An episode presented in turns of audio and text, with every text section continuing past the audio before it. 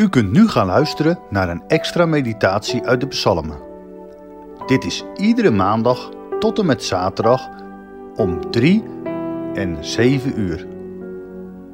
Deze meditatie wordt verzorgd door dominee Alblas.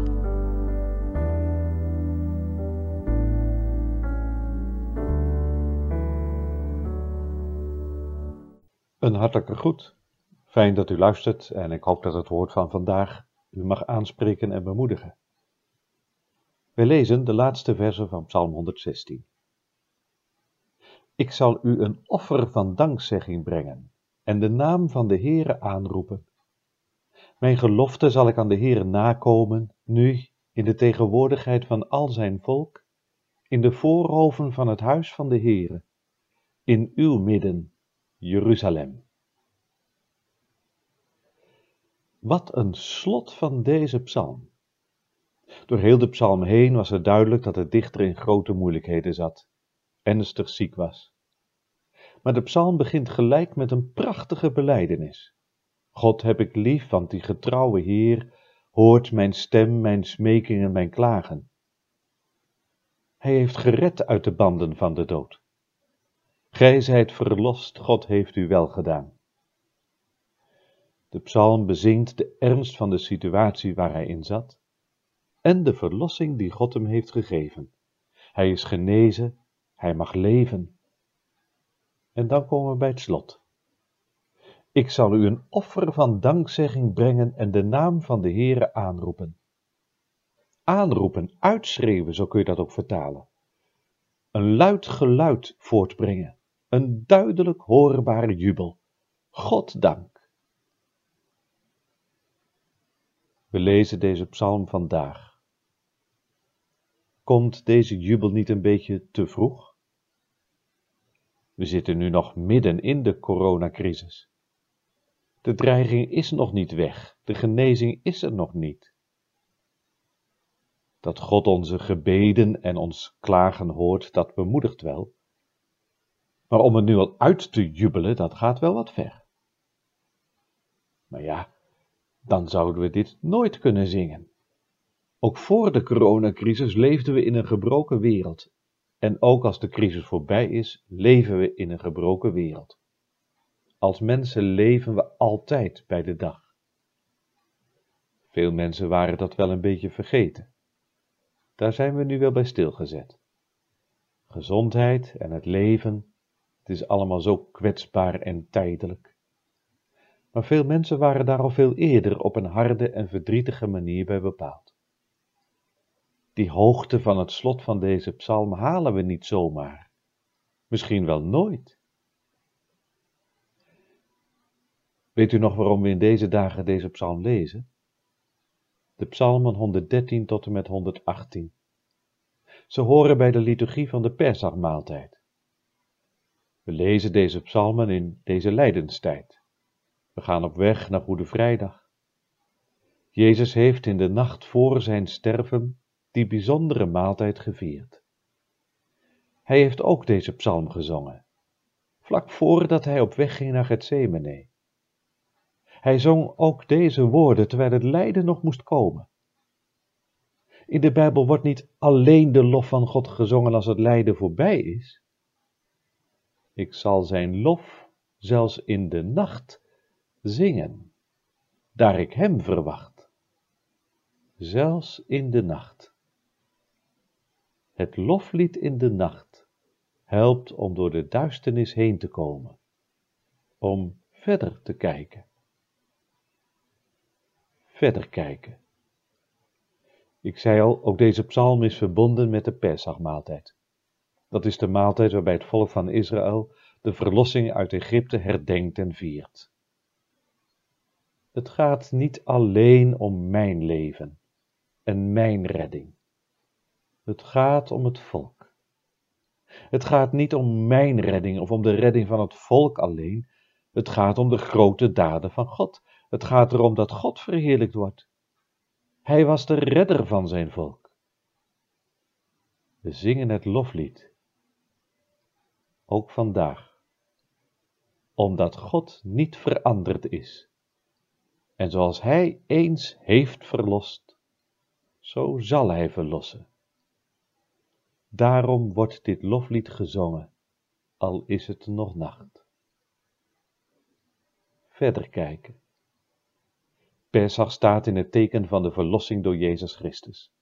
Hij ging de weg van het kruis om al onze zonden te verzoenen, om ons te bevrijden van zonde en van alles wat daarmee te maken heeft, dus ook van ziekte en dood. En midden in de lijdenstijd, de diepe duisternis van het kruis moet nog komen, klinkt het loflied van Pasen. Nu jaagt de dood geen angst meer aan, want alles, alles is voldaan. Een heerlijk morgenlicht breekt aan. Zo zingen we ook vandaag al dit loflied. Ik zal u een offer van dankzegging brengen en de naam van de Heere aanroepen. De psalm gaat nog verder. Mijn geloften zal ik aan de Heere nakomen, nu in de tegenwoordigheid van al zijn volk. Mijn geloften nakomen. Een andere vertaling heeft staan, mijn geloften betalen. Moet God terugbetaald worden dan voor zijn reddingswerk? Staat er nog een rekening open? Oh, hier luistert het nou. Wij kunnen de verlossing niet kopen. Het is gratis, zonder geld. Het is genade alleen.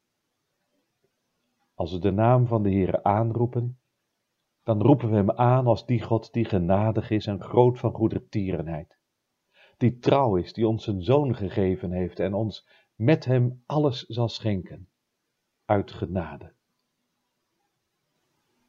Maar het is niet voor niets. God vraagt wel een reactie, mag ook een reactie van ons verwachten. Als je leven wordt gered, dan mag je redder toch verwachten dat je reageert, dat je dankbaar bent. Laat het ook niet voor niets zijn. Maar kom, schuil bij deze God. Geef uw leven in zijn handen. Daar u voor mij hebt in de dood gegeven, hoe zou ik dan naar mijnen wil nog leven? Zou ik u, o Heer, die voor mijn schuld wou lijden, mijn hart niet wijden? Het reddend handelen van God in Jezus Christus vraagt om die reactie, om geloof, om dankbaarheid en vertrouwen, om offers, het offer van je eigen persoonlijk leven in zijn dienst. En weet u wat dan zo bijzonder is in het Hebreeuws? Dat woord voor geloften nakomen of betalen is shalom. Dat lijkt wel heel veel op het woord shalom. Niet alleen wat klank betreft, maar ook in de betekenis. Wanneer de rekening betaald is, is het klaar, afgerond, is het goed gemaakt. Zo kun je het ook vertalen. Dan komt de vrede. De vrede van God die deelt Hij uit genade uit.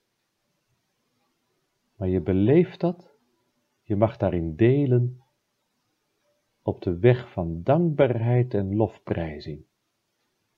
Dan komen de voorhoven van het huis van de Heer in beeld. Dan gaat het om Jeruzalem, de stad van de vrede.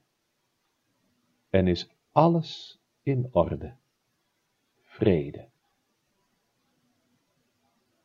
Komt het niet te vroeg, deze oproep tot dankbaarheid? Nee, we hebben het nodig, juist om ons op te beuren, om onze ogen op te richten, om ook midden in de dreiging en de angst van nu naar het kruis van Golgotha te zien, naar uw redder en zaligmaker Jezus Christus. Dan krijgen we al zingend weer moed uitzicht, hoop, hou vast.